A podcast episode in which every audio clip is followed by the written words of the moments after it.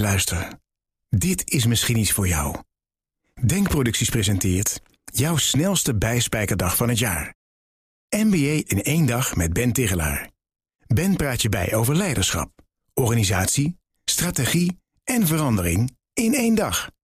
MBA in één dag met Ben Tigelaar. Schrijf je in voor 1 januari en krijg een tweede ticket voor de halve prijs. Zet je podcast even op pauze en ga naar denkproducties.nl. BNR Nieuwsradio. The Big Five. Diana Matroos.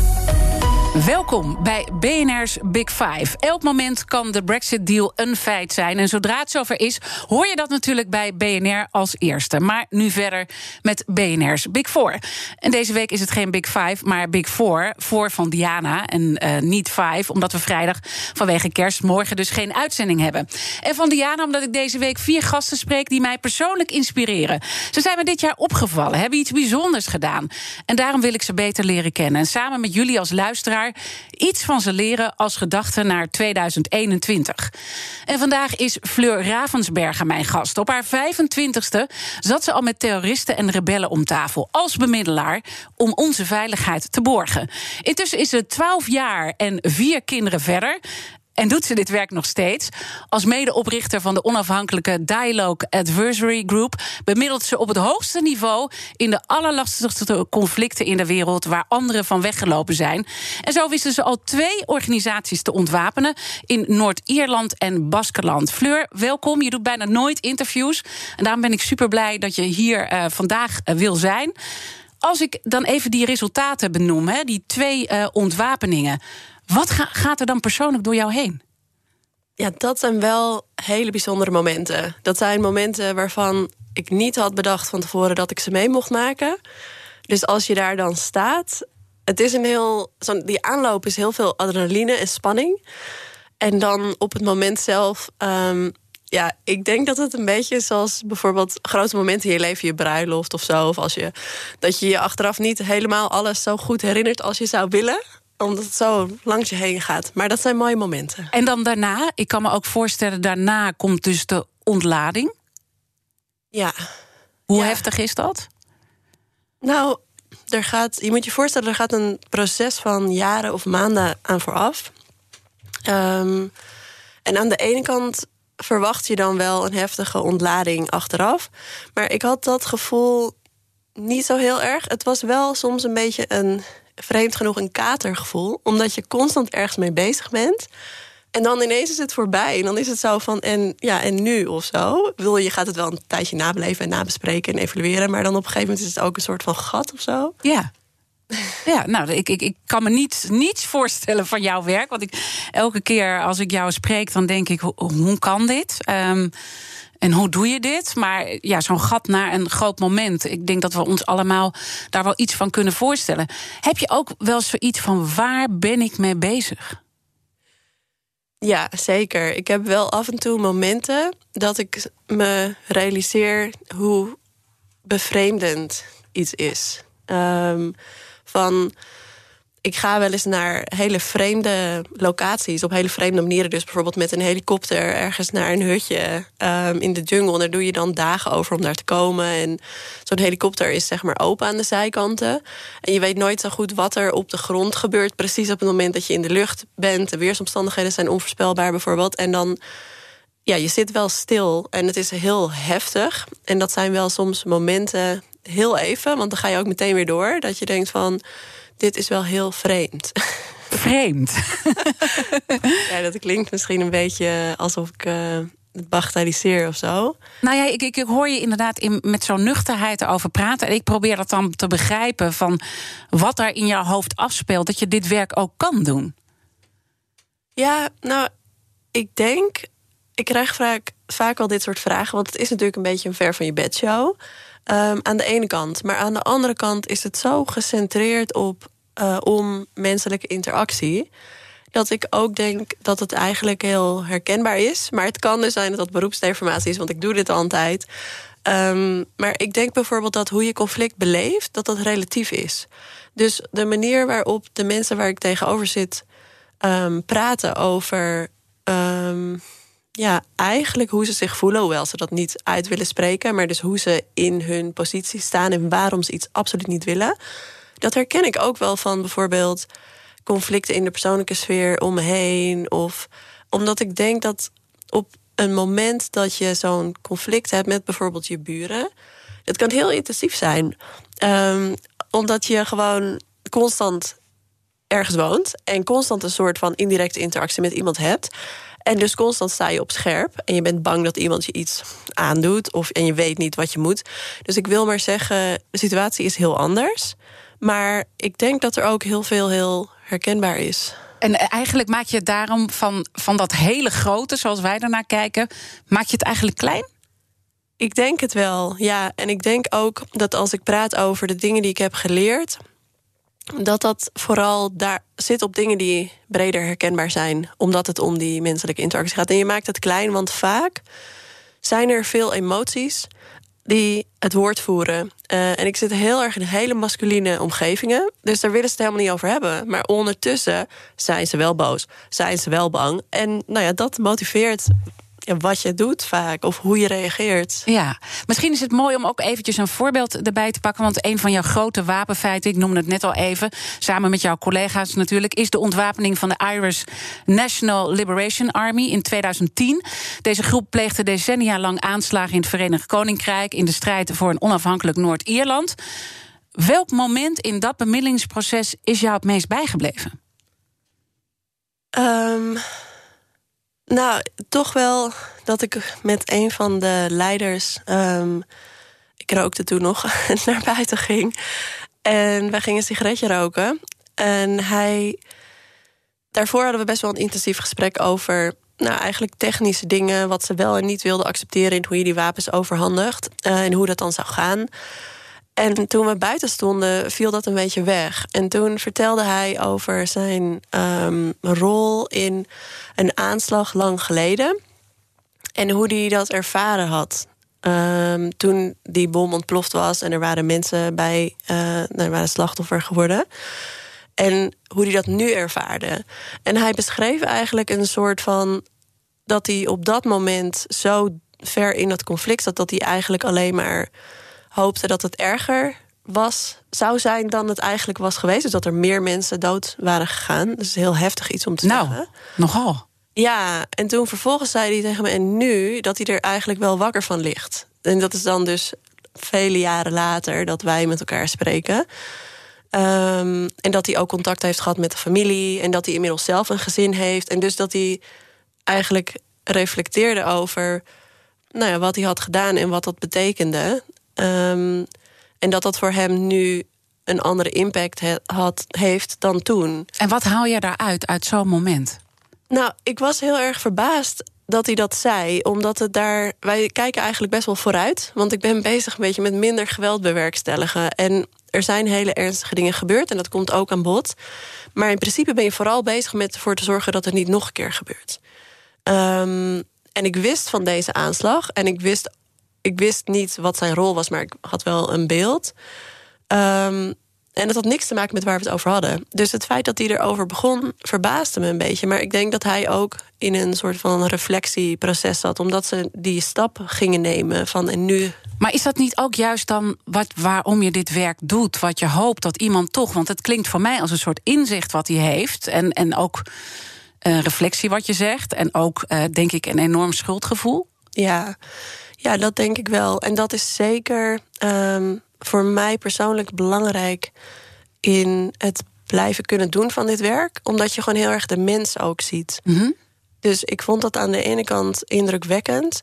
Aan de andere kant wil ik daar ook altijd voor oppassen, omdat er zijn daar gewoon wel mensen omgekomen. En uh, ja, ik was daar niet bij. Het is niet aan mij, zeg maar. Weet je wel, om mhm. daar dan. Ik denk dat het wel mooi is om hier de vraag, uh, de kettingvraag die we altijd in deze uitzending hebben van uh, mijn gast van gisteren, uh, VVD-prominent en medisch ethicus Helene de Pouy. Want zij vroeg zich ook wel een beetje af hoe dat nou werkt voor jou, ook in jouw hoofd. Met terroristen onderhandelen, dat lijkt mij voor jou als persoon zo verschrikkelijk moeilijk, want je, je moet die mensen haten, omdat ze zoveel ellende en geweld veroorzaken. En hoe blijf je dan in staat met hen in gesprek te blijven? Ik vind het heel knap.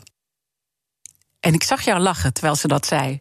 Ja. Je moet die mensen wel haten. En toen ging jij lachen. Ja, nou, allereerst wilde ik zeggen. Uh, dan wilde ik Helene Pie bedanken voor. Want ik denk dat dit een mooie, belangrijke vraag is. Ik ging inderdaad lachen toen ze dat zei, want je moet ze wel haten. Um, aan de ene kant omdat ik denk dat dat aansluit bij hoe mensen denken over de mensen met wie ik aan tafel zit. Alsof het een soort ja, monsters misschien wel zijn. En soms is dat ook zo. Nou zit er heel veel nuance in. Want ik zit ook aan tafel met de overheid... die soms ook hele nare dingen doet. Of de VN, die soms niet actief nare dingen doet... maar wel ergens naar staat te kijken. Wat ook niet altijd mooi de schoonheidsprijs verdient. Ook goed om dat eens een keer te zeggen, ja. En daarnaast zijn de mensen aan de gewapende groepkant... waarmee ik aan tafel zit, daar zit een heel scala in. Dus je hebt mensen, bijvoorbeeld nou, die meneer waar we het net over hadden... uit Noord-Ierland... Um, ja, die is al best wel ver weg van zijn geweld eigenlijk. Um, en die heeft daar al reflectie over gedaan. Maar ik spreek ook met mensen die bijvoorbeeld er middenin zitten. En heel veel boosheid hebben, neem ik aan. En, en, en heel veel agressie. Absoluut, heel veel boosheid, heel veel agressie, heel veel verdriet ook. Heel veel mensen die ik aan tafel heb zijn zowel dader als slachtoffer. Uh, ook over meerdere generaties. Dus dat is heftig. Uh, en ook mensen, en die vind ik eigenlijk het allermoeilijkst... die heel erg in hun ja, geloven in wat ze doen. Nou, geloven ze allemaal in wat ze doen. Dat is best wel interessant. Iedereen denkt altijd dat hij het voor het goede doel doet. En dat er geen andere manier is dan um, geweld. Maar er is nog een gradatie daarop die jij moeilijk vindt. En wie zijn dat? Ja, absoluut. Dat zijn voor mij de mensen die um, eigenlijk vinden dat hun geweld niet al. Zeg maar, je hebt de mensen die vinden dat hun geweld nodig is, want het kan niet anders. En dan heb je de mensen die eigenlijk die andere groep gewoon willen uitmoorden. Uh, en die vind ik heel moeilijk. Dus dat zijn de mensen die een genocide-ideologie aanhangen. Of de mensen die echt heel erg eigenlijk um, vaak racistisch, maar het hangt er vanaf wat de verschillende onderverdelingen van de groepen zijn. Ten opzichte van een andere groep. En hoe ga je daar dan, hè, wat Helene Dupuy zich afvraagt, hoe blijf je daarmee in gesprek? Ja, nou dat zijn de uitzonderingen, gelukkig. Uh, want dat vind ik heel moeilijk. Um, zoals iedereen dat zou vinden, denk ik. En de manieren waarop ik daar tot nu toe mee om ben gegaan, is dat ik heel erg duidelijk een doel voor ogen heb. Dus dat ik weet van, ik, ik praat met ze om ze uit deze situatie weg te halen, zodat ze dit geweld niet meer kunnen plegen. Um, en op die manier kan ik het voor mezelf wel redelijk rationaliseren. Maar dat is natuurlijk iets anders dan het makkelijk vinden of je er je prettig bij voelen. Um, en ik ben heel erg van overtuigd dat als je tegenover iemand zit, dan voelt iemand tot op bepaalde hoogte hoe je erin zit. Dus als ik met heel veel weerstand daar zit. Um, ja, dan, dan pikken ze dat ook op. Ja. En dat heeft geen positieve effect. En, en dan, daar komen we nu ook bij een fascinatie van mij, want ik blijf hem houden. Uh, uh, ook toen ik jou ontmoette op een conferentie hè, waar jij sprak. Als ik naar jou kijk, ook nu weer, en ik denk ook mensen die jouw stem horen, um, je, komt, je bent heel kalm. Uh, nou, ik weet niet of. of, of ja, ik, het moet geen waardeoordeel zijn, maar je komt voor mij heel lief over. Eh, eh, ook als ik naar jou kijk, weet je, niet zo iemand die met terroristen en rebellen om tafel zit op hoog niveau. En daar met hele gevaarlijke issues uh, bezig is. Waarom werkt dat juist wel? Dat jij dat, want dat is denk ik mijn ongeloof. En ik denk ook de luisteraar die zit te luisteren, hè? En de nuchterheid. Ja, nee, dat is zeker een contrast waarvan ik me kan voorstellen dat je dat opmerkt en dat vraagt. En ik, dat wordt me ook vaak gevraagd en dat klopt denk ik ook. Ik ben behoorlijk, ja, vooral wel heel erg kalm inderdaad beheerst. Het is niet zozeer dat ik niet ook die dingen voel, maar ik ben meer iemand van ik kijk even voordat ik er meteen in ga of zo. Um, en ik denk ook wel dat in wat ik doe heb ik te maken met mensen die heel erg heftig tegenover elkaar staan, elkaar geweld uh, aandoen. En dan is een luisterend oor. En ook wel, ik denk juist die rust, wel dat helpt om um, een gesprek te kunnen voeren. En ook, um, ik denk dat het ook wel helpt om af en toe als ik ingrijp, dan, ik doe dat niet per se met een hele harde hand of zo. Maar soms dan moet je gewoon even zorgen dat iets niet uit de hand loopt, omdat het veel ja. kwaad doet. Ehm, en ik denk dat mijn stijl daar wel in werkt. En wat is ehm, die stijl dan? Ehm, en, en, en speelt dan ook nog mee voor de tegenpartij dat je een vrouw bent? Ja, absoluut. En dat vind ik ook wel lastig, want ik denk dat mijn stijl best wel goed aansluit bij het stereotype. dat vind ik persoonlijk een beetje vervelend. Waarom vind je dat vervelend? Want je, je doet er je voordeel mee eh, als het gaat om jouw doelen. Ja, maar ik, denk, um, ik wil dat niet versterken. Zeg maar. ik, ik vind, voor mij is het belangrijk dat iedereen vrij kan zijn in hoe die iets wil doen, zeg maar. Ongeacht um, van bepaalde aspecten van je identiteit. En dat is een beetje net zoals wanneer je thuis zou willen blijven met je kinderen. Dat moet je gewoon kunnen kiezen. En dat is juist een onderdeel van die vrijheid. Maar dan persoonlijk nou ja, omdat ik dus best wel aansluit bij een beetje dat zachtere, misschien wat je zou verwachten van een vrouwelijke stijl. En dat werkt voor mij. Vind ik dat dan soms lastig. En ik wil het ook niet inzetten, weet je wel. Maar nee, maar het gebeurt, het gebeurt dus wel. En uh, laten we daar uh, zeker over verder praten. The Big Five. Diana Matroos. Ja, leuke vraag Deze week in de week voor kerst. De Big Four van Diana, waar ik vier mensen interview... die mij persoonlijk inspireren... omdat er uh, dit jaar iets bijzonders gebeurde met ze... of in dit geval iets bijzonders gebeurde met mij... omdat ik jou dit jaar ontmoette. Uh, Aquasi was trouwens eerder deze week bij mij uh, te gast... net zoals Helene Dupuy, die we net hoorden. En die gesprekken zijn allemaal terug te luisteren in de BNR-app. Vandaag Fleur Ravensbergen, mijn gast. Zij bemiddelt in hardnekkige conflicten. Um, je hebt politicologie gestudeerd en uh, kwam uiteindelijk in contact met een hoogleraar die ervaring had met gewapende conflicten. En via hem ging je uh, als 25-jarige het diepe in. En iedereen vraagt zich af, hoe kom je hierin terecht? Nou, dat ging dus via die hoogleraar. Klopt. En wat maakte je toen mee? Nou, wel een proces van um, verbazing en verwondering. Um, en ook wel ontzettend fascinerend. En ik denk dat mijn leeftijd daarin juist wel heel erg meewerkte. Want dat avontuur was gewoon super interessant. En er gingen allemaal deuren open waarvan ik dacht van daar, dat zijn gewoon ruimtes waar je helemaal niet binnenkomt. Hoe werkt dit, zeg maar? Ja. Maar het, eh, eh, ja, als ik dan al die verhalen hoor en die gewelddadige conflicten. En je lacht al, want je herkent deze vraag natuurlijk, want die krijg je elke keer. Ben je niet ongelooflijk bang? Ja, ik ben wel regelmatig bang. Um, het is ook wel belangrijk om te nuanceren dat, kijk, ik ben niet de hele dag zit ik in gesprek ergens uh, aan een frontlinie met de islamitische staat. Dus heel vaak, weet je, zit ik gewoon ergens bij een ministerie of op kantoor of in een vliegtuig. Um, maar er zijn absoluut momenten dat ik wel uh, daar middenin zit en dat ik, dat ik bang ben uh, dat er geschoten wordt of dat er net een aanslag wordt gepleegd als we in de buurt zijn. En ook gewoon incidenten. Er is één ding wat me altijd bijblijft uit toen wij in Libië waren, was ik in Tripoli. En dat had verder niets met, met ons te maken, maar we zaten in een auto. We gingen van het vliegveld naar het hotel.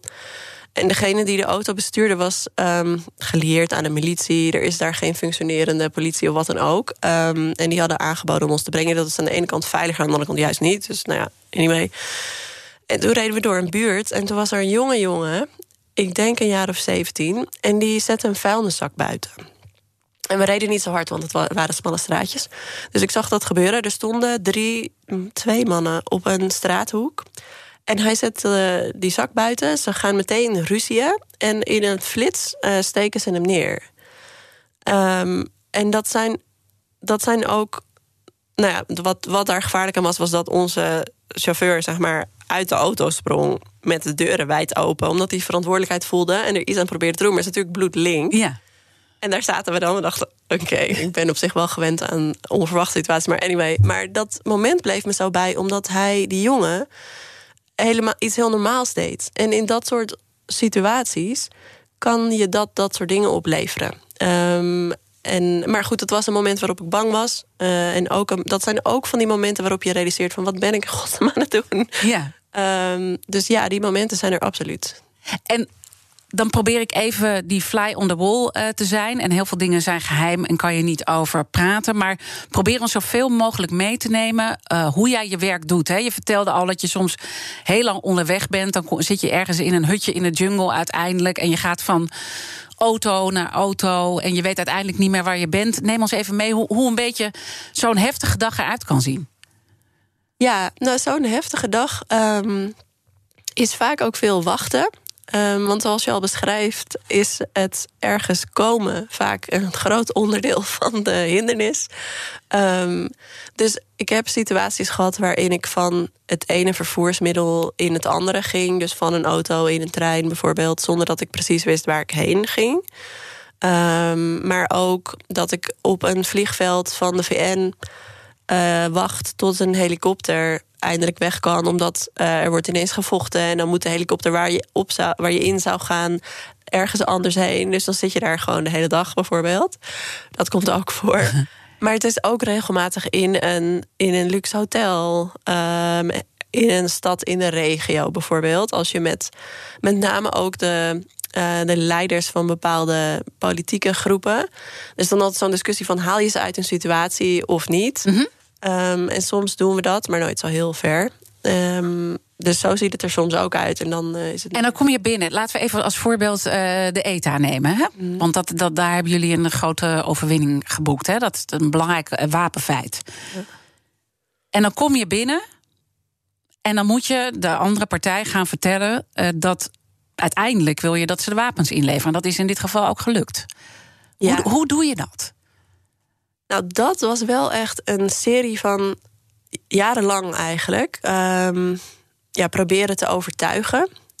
Het is, wat lastig is aan mijn werk, is dat er allemaal hele grote dynamieken zijn die om je heen gebeuren.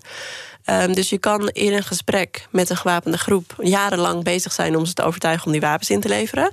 Maar zij als je een goed iemand tegenover je hebt, en dat heb ik eigenlijk liever, dan weten ze wat hun eigen belang is. Dus op het moment dat er hun berekening is van ja, dat is leuk dat je dat zo overtuigend brengt, maar uiteindelijk ben ik beter af om die wapens nog even vast te houden. Want dit is mijn enige uitwisselingsding met voor iets anders wat ik wil.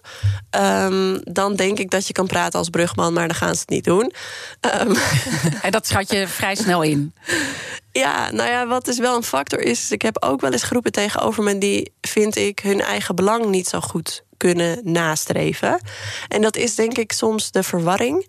En soms ook, ik, heb best wel groepen die hebben meer een soort van uh, stam. Uh, inrichting. En dan erf je gewoon een bepaalde positie. Dus dan heb je ook wel eens mensen in positie, op posities die bepaalde dingen heel goed kunnen en andere dingen eigenlijk niet zo. Mm -hmm. Dus dan heb je wel eens iemand tegenover je. Je hebt ook gewoon... talenten gewoon ja. in deze wereld. en, ja, nee. en, en, en, mensen die het niet uh, goed kunnen. Nee. Maar je komt, je komt binnen en je moet een moeilijke boodschap uh, brengen. Ja. Kies je dan gewoon voor helderheid? Uh, gewoon uh, de bal op de stip leggen van dit is wat er moet gebeuren? Of ga je met de zachte hand? Nou, ik ben wat dat allebei. ik ben wat dat betreft best wel Nederlands. Um, ik wil zelf ook graag liever dat ik weet waar ik aan toe ben. Um, maar de manier waarop je het brengt is denk ik belangrijk. Want ze zijn ook niet gek aan de andere kant van de tafel. Dus ik denk altijd van je kan beter zeggen waar het op staat. Maar dan wel zeggen van luister, ik zeg niet omdat ik uh, denk van ik ga je even een hak zetten of uh, wat dan ook. Maar dit is gewoon de re realiteit die ik daar zie. En als je het aan mij vraagt, is dit een stap vooruit die uh, haalbaar is. En wat je misschien idealiter zou willen, niet. Dus je um, zegt dan tegen die ETA wapens inleveren? Ja. Eigenlijk dat, zo duidelijk. Ja, dat is wel. En dat levert wel eens heftige situaties op. Um, of nou ja, heftig. Dat zij gewoon heel boos worden op den duur. Omdat je steeds hetzelfde zegt. En bovendien was daar, stond dat officieel niet op de agenda. We waren een staak het vuur aan het monitoren. Wij wisten altijd dat we naar dat ontwapenen toe gingen werpen. En dus elk moment dat geschikt was of niet, dan hadden we het erover. Ja. En aan de andere kant hadden ze zoiets van: ja, weet je, er is geen enkele quid pro quo. Waarom zouden we dit doen? En kan je alsjeblieft gewoon even je werk doen? dus, ja. en, en dan zeg je dus tegelijkertijd twee dingen ik moet het even processen. Heftig, nou ja, heftig. Het is de ETA, er kan gewoon een wapen op tafel komen. Dat is toch gewoon heftig als iemand dan boos wordt? Ja, maar dat gaat misschien wel een beetje terug ook naar de vraag van Helene Dupuy. Dat is waar. Het zijn gevaarlijke mensen die tegenover me zitten. En soms heb ik wel eens een moment dat ik ze boos zie worden... dat ik denk, hmm, misschien had ik dit niet moeten doen. Maar meestal zit je ook een beetje in een bubbel. Want je zit aan die onderhandelingstafel. Er is wel bepaald respect. Kijk, ik heb ze dat niet aangedaan. En ik ben daar om te proberen om iets minder geweld te bewerkstelligen. Ze zien zichzelf ook altijd allemaal als slachtoffer, bijvoorbeeld. Dus ook al is er wel erkenning van wat ze doen, ze willen ook graag dat het geweld richting hun groep ophoudt. Mm, dus ik wil maar zeggen, ik, ik heb niet heel snel de angst voor de partijen die tegenover ons zitten. Maar goed, misschien is dat soms onverstandig. goed. Uh, laten we over dat onverstandige nog even verder praten. En ook over het feit dat je vier kinderen hebt, uh, jouw gevoel daarbij veranderd heeft. Fleur Ravensbergen, en wat kan ze ons ook leren als gast als het gaat uh, aan ons, bedoel ik, als het gaat om het omgaan met conflicten? We krijgen zo meteen een kleine masterclass. Tot zo. BNR Nieuwsradio. The Big Five. Diana Matroos. Welkom bij het tweede halfuur van BNR's Big Five. Fijn dat je weer luistert. Elk moment kan de Brexit-deal een feit zijn. We horen trouwens dat het nu verschoven is naar 11 uur. Maar mocht het nu gebeuren, dan hoor je het natuurlijk bij BNR altijd uh, als eerste. En uh, dan zullen we meteen schakelen. Maar nu terug uh, naar dit programma. deze week de Big Four van Diana. Waarbij ik vier gasten spreek die mij persoonlijk inspireren. En iets bijzonders deden dit jaar. En mijn gast vandaag is Fleur Ravensberger. Die vanaf haar 25ste met terroristen en rebellen om tafel zit om onze veiligheid te waarborgen. Intussen doet ze dit werk al twaalf jaar en het gaat om de hardnekkigste conflicten ter wereld. We hebben net al een beetje de fly on the wall kunnen zijn en wat situaties met jou doorgenomen. Uh, waar je dan in terecht komt en hoe je dan te werk gaat.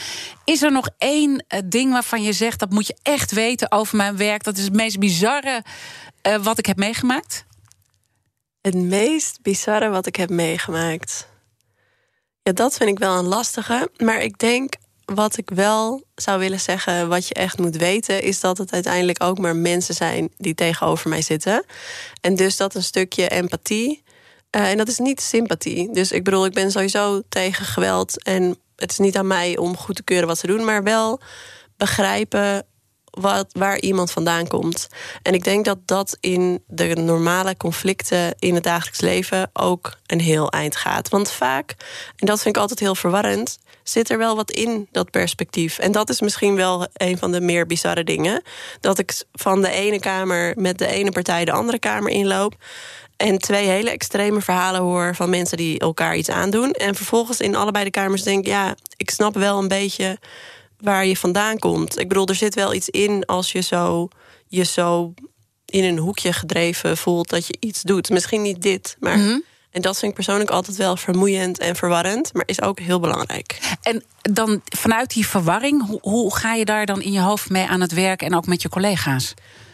Nou, ik denk dat door de jaren heen word je getraind om op het moment te reageren. Uh, je kan ook meestal niet even naar kantoor bellen van... goh, wat denk jij? Dus je doet gewoon. ja. Je uh, zit daar in die jungle in een een of ander hutje... Uh, of, of je weet totaal niet waar je bent.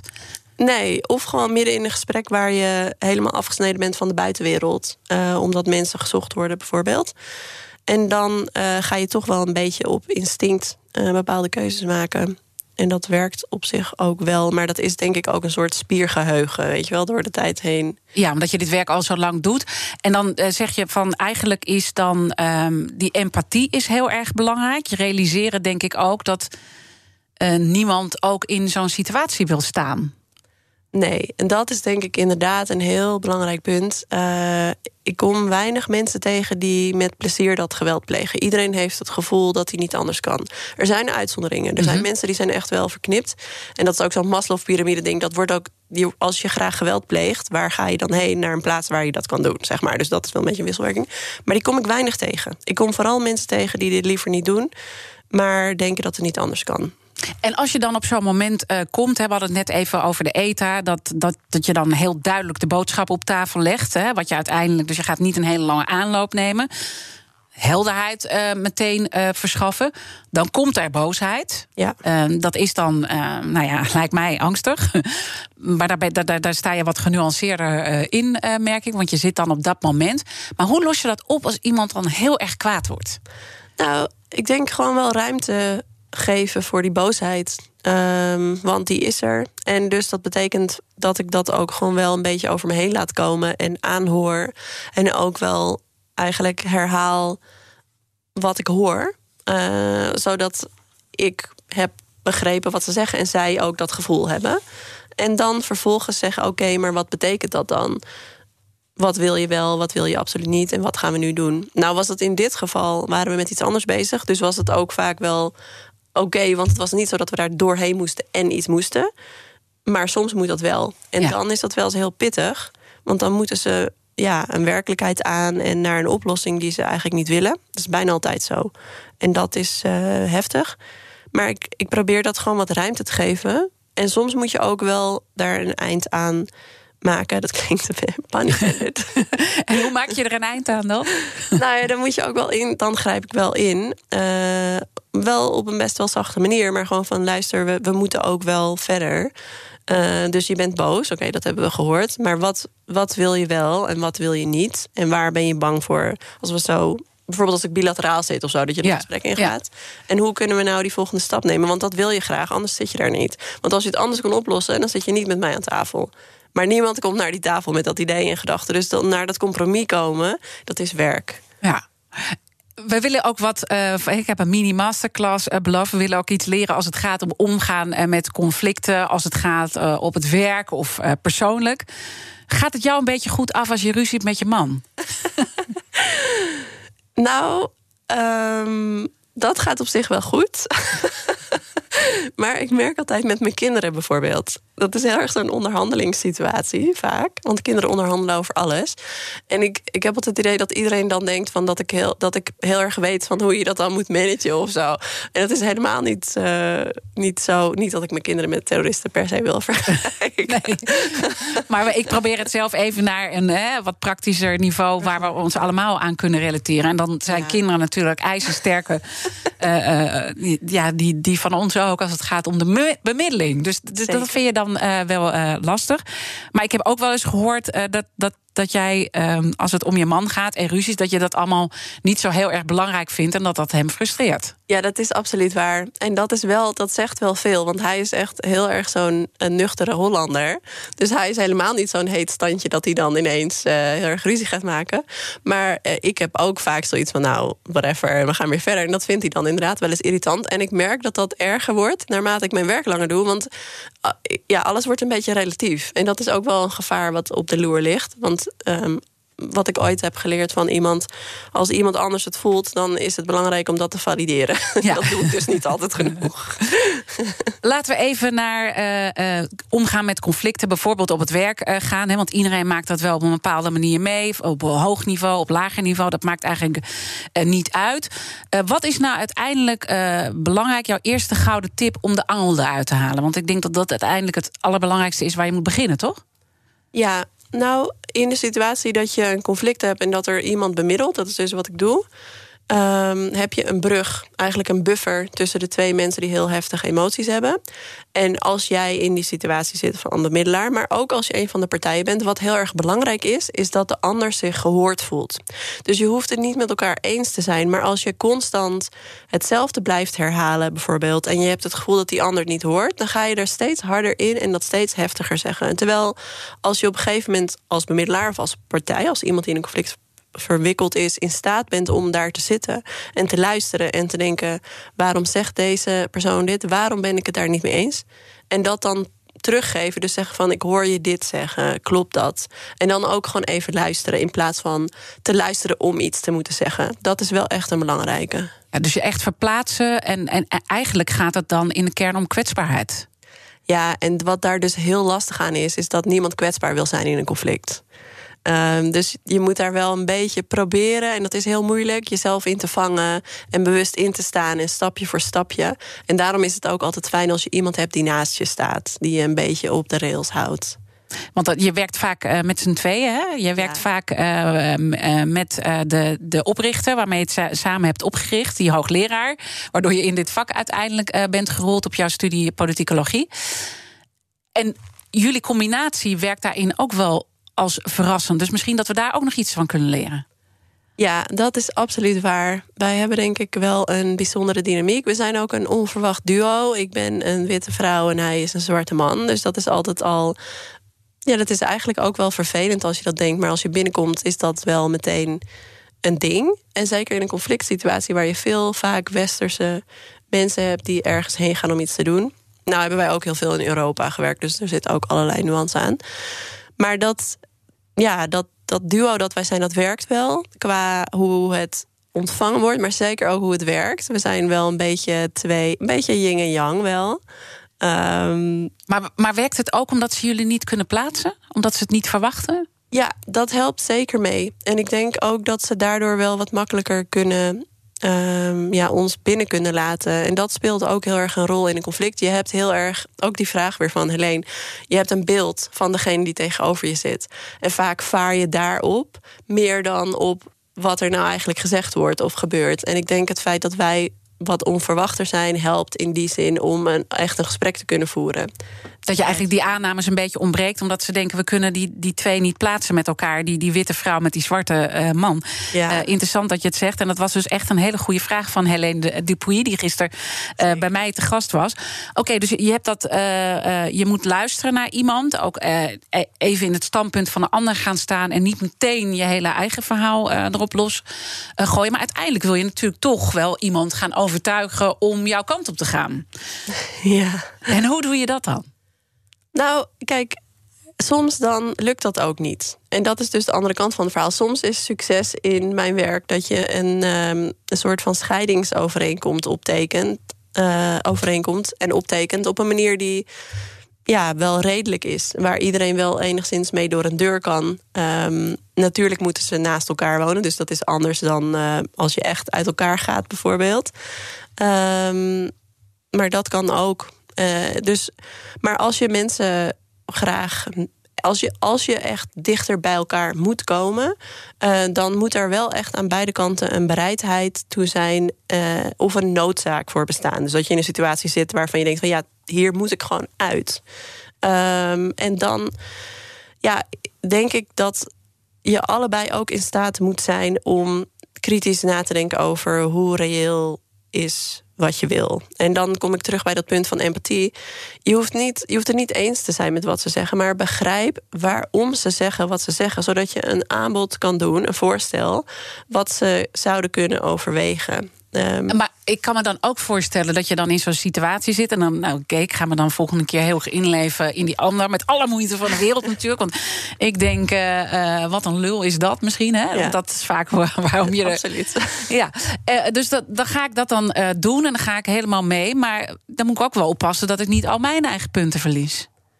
Ja, ik denk dat dat bij de bemiddelaar soms een gevaar is dat je te veel meegaat. Maar bij de partij, uh, partijen die tegenover elkaar staan, heb ik dat minder meegemaakt. Wat wel belangrijk is, is dat je als je een leider hebt, dat ze het aan hun achterban moeten kunnen verkopen. Dus wat je soms hebt, is dat wij met z'n allen te veel in die kamer zitten. En dat je uiteindelijk wel redelijk met elkaar door een deur kan. En dan moet je terug naar waar je vandaan komt. Dan zegt iedereen, dude, wat, wat is dit wat je nu... Waar, waar je, die kant willen we niet op, zeg maar. Dus dat is wel een dynamiek die soms uh, speelt, ja. Maar ik merk niet zo vaak bij de mensen die zelf in het conflict liggen... dus meer op het persoonlijk vlak... dat ze zich te veel gaan inleven. Um, en wat het meer is, en dat zit meer op het technisch onderhandelen vlak... dat je... Um, die ander een aanbod kan doen wat ze willen overwegen. Niet iets waar ze heel blij mee zijn en richt vooral hoger dan je zelf denkt dan je verdient. Want dat is hoe je ergens in het midden terechtkomt. Dat zullen zij ook doen als ze weten wat in hun belang werkt. Maar ja, ja dat een beetje. Dus je moet eigenlijk het, uh, de ander het gevoel geven dat hij ook wint. Ja, nou ja, je hebt een hele school waarvan, waarbij ze denken van um, dat je allebei kunt winnen. Mijn ervaring is dat dat gewoon niet altijd kan. en dat betekent dat je allebei je verlies tot op zekere hoogte moet willen accepteren. Dus dat het, het kan een heel pijnlijk compromis zijn. Maar dat, je, dat de andere partij daar ook um, iets uithaalt. wat de situatie waar ze in zitten iets verbetert.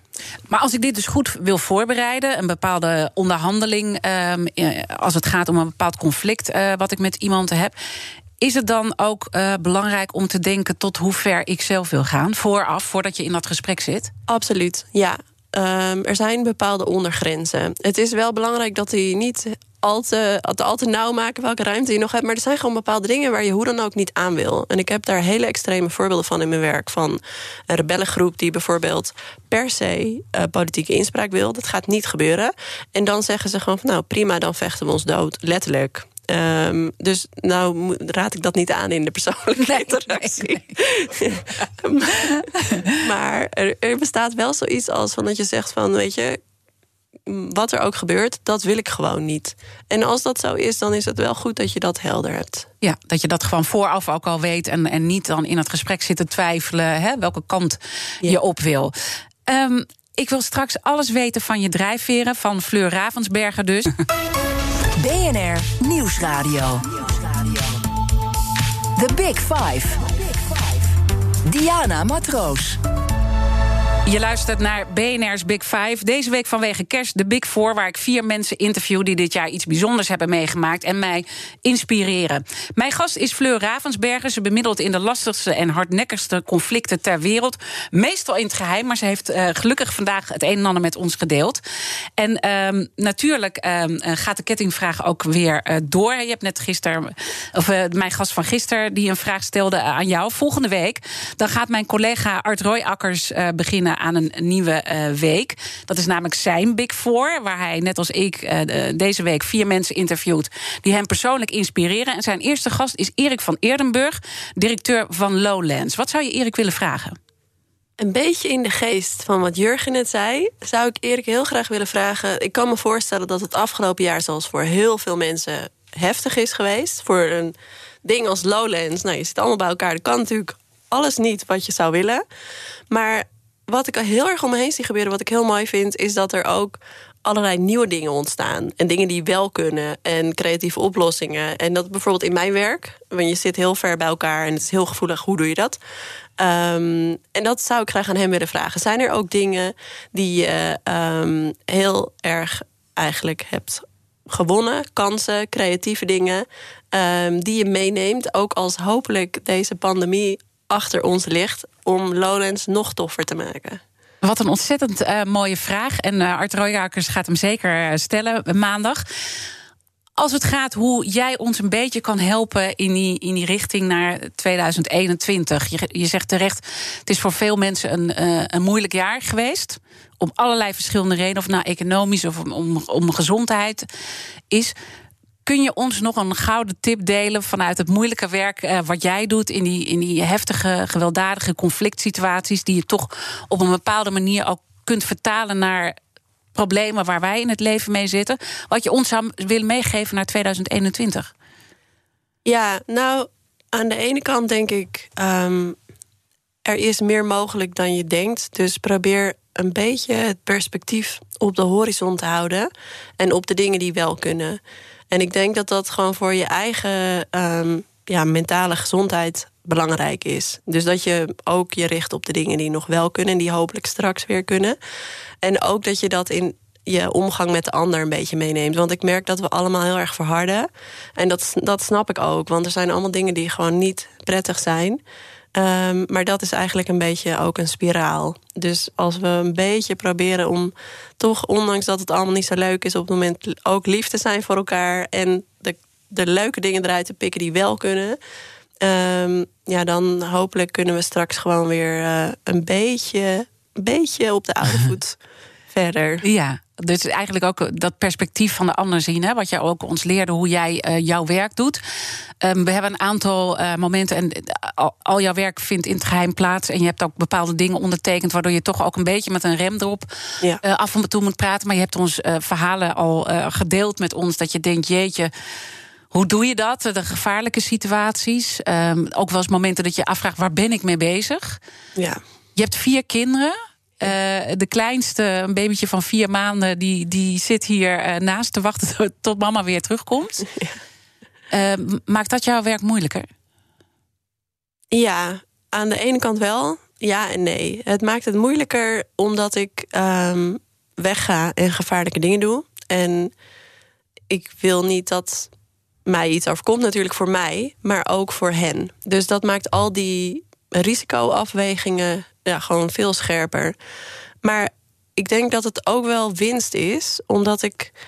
Ik weet niet. ik heb het idee dat dat breder ook zo is. Maar ik, ik heb veel meer gevoel voor iedereen of zo. Omdat iedereen heeft een moeder gehad of is iemands kind. Of, en dat zijn hele herkenbare dynamieken. Dus ik heb soms wel eens, dat is heel raar, zo'n heftige man tegenover me. En dat ik een beetje, zeg maar, ik weet niet, zijn, zijn moeder erin zie bijna of zo. Dus het, en dat maakt dat dat empathie waar ik het over heb, mhm. makkelijker is. Omdat je ook de mens ziet. Um, uh, maar ik vind ook wel dat dat extra gevoel of zo, dat je hart misschien, wat bij mij in ieder geval wat meer open staat sinds ik moeder ben, ook wel moeilijk is, omdat ik dus gewoon hele heftige situaties zie waar mensen lijden, basisdingen niet hebben, hun kinderen geen eten kunnen geven. Ja. Dat is heel moeilijk. En, en, en, en als je dan toch dan dat werk doorzet, hè, want Irak is nu een heel belangrijk onderdeel waar je, waar je ook aan werkt. En zelfs uh, in, in Zoom-meetings begrijp ik dat het nu allemaal uh, plaatsvindt. Maar straks ga je natuurlijk ook weer het veld in. Ja. En dan weet je gewoon ook met gevaar voor eigen leven. En wat is dan die drive met vier kinderen thuis en een, en, en een man waar, waar, waar, hè, waar je natuurlijk graag naartoe terug wilt, dat je dat toch doet? Wat drijft jou om dit te doen? De mogelijkheid dat het beter wordt. En ik heb het ook beter zien worden. Um, en dat is uiteindelijk um, ja, wel waar ik voor doe. En wat ik ook wel moet nuanceren is dat we zorgen dat we zo veilig mogelijk zijn. Maar goed, dat is relatief. Maar zeker gewoon dat er veel te verbeteren is en dat je het gevoel ook dat je daar concreet iets aan bij kan dragen, dat is zo uniek en fantastisch en een privilege dat je dat mag doen. Um, die wapens gaan nooit meer iemand kwaad doen. Dat is toch uiteindelijk de essentie. Wat wint. En, en dus voor onze veiligheid uh, zorgen. Heeft jouw oma daarmee te maken? Jouw Joodse oma en haar verleden? Ja, absoluut. Um, mijn oma is dus Joods, mijn vader is Joods. Um, en wat ik daar aan... Heel veel dingen heb ik daarvan meegekregen. Maar vooral het idee dat het in een klein hoekje zit. Ze had dan zo'n verhaal dat ze... Um, nou ja, dat ze net de dans was ontsprongen in een situatie in de Tweede Wereldoorlog. En dan zei ze tegen me van ja, als dat niet zo was gelopen, dan was jij er niet geweest. Um, en dus terwijl ik helemaal niet um, dat geloof per se praktiseer of wat dan ook. Maar het is wel onderdeel van wie ik ben. En dat, zeg maar, dat, dat bewustzijn van het, kan, het zou zomaar iedereen kunnen overkomen. En ook wat gebeurt er als er een heftige situatie is, iedereen doet mee. Um, en hoe zorg je dat je dat allemaal niet doet en dat je jezelf op het padje houdt, zeg maar. Um, dat heeft zeker veel invloed op ja, waarom ik mijn werk uh, ja, graag doe. Ook al uh, heb ik vier bloedjes van kinderen thuis. Ik wil je heel erg bedanken dat je dat voor ons uh, wilt doen. En ik vind ook een hele mooie gedachte die je mee hebt gegeven voor de kerstperiode. Uh, Fleur Ravensberger was mijn gast uh, vandaag. En natuurlijk zijn alle afleveringen van BNR's Big Five en die andere mensen die mij hebben geïnspireerd deze week te vinden in de podcast, in de BNR-app en op bnr.nl. Uh, nu natuurlijk Jurgen Rijman met Ask Me Anything. Zijn laatste uitzending. Luister alstublieft. En stel die mooie vragen aan Jurgen, want we kunnen ook veel leren van hem. En intussen wens ik iedereen hele mooie feestdagen. Een geweldig nieuwjaar. Dank voor het dit hele jaar. En ik hoop jullie uh, in de eerste week van januari weer uh, te horen als ik ook hier uh, terug ben. Of dat jullie luisteren. Dag. Hey, luister. Dit is misschien iets voor jou. Denkproducties presenteert jouw snelste bijspijkerdag van het jaar. MBA in één dag met Ben Tigelaar. Ben praat je bij over leiderschap, organisatie, strategie en verandering in één dag. MBA in één dag met Ben Tigelaar. Schrijf je in voor 1 januari en krijg een tweede ticket voor de halve prijs. Zet je podcast even op pauze en ga naar denkproducties.nl.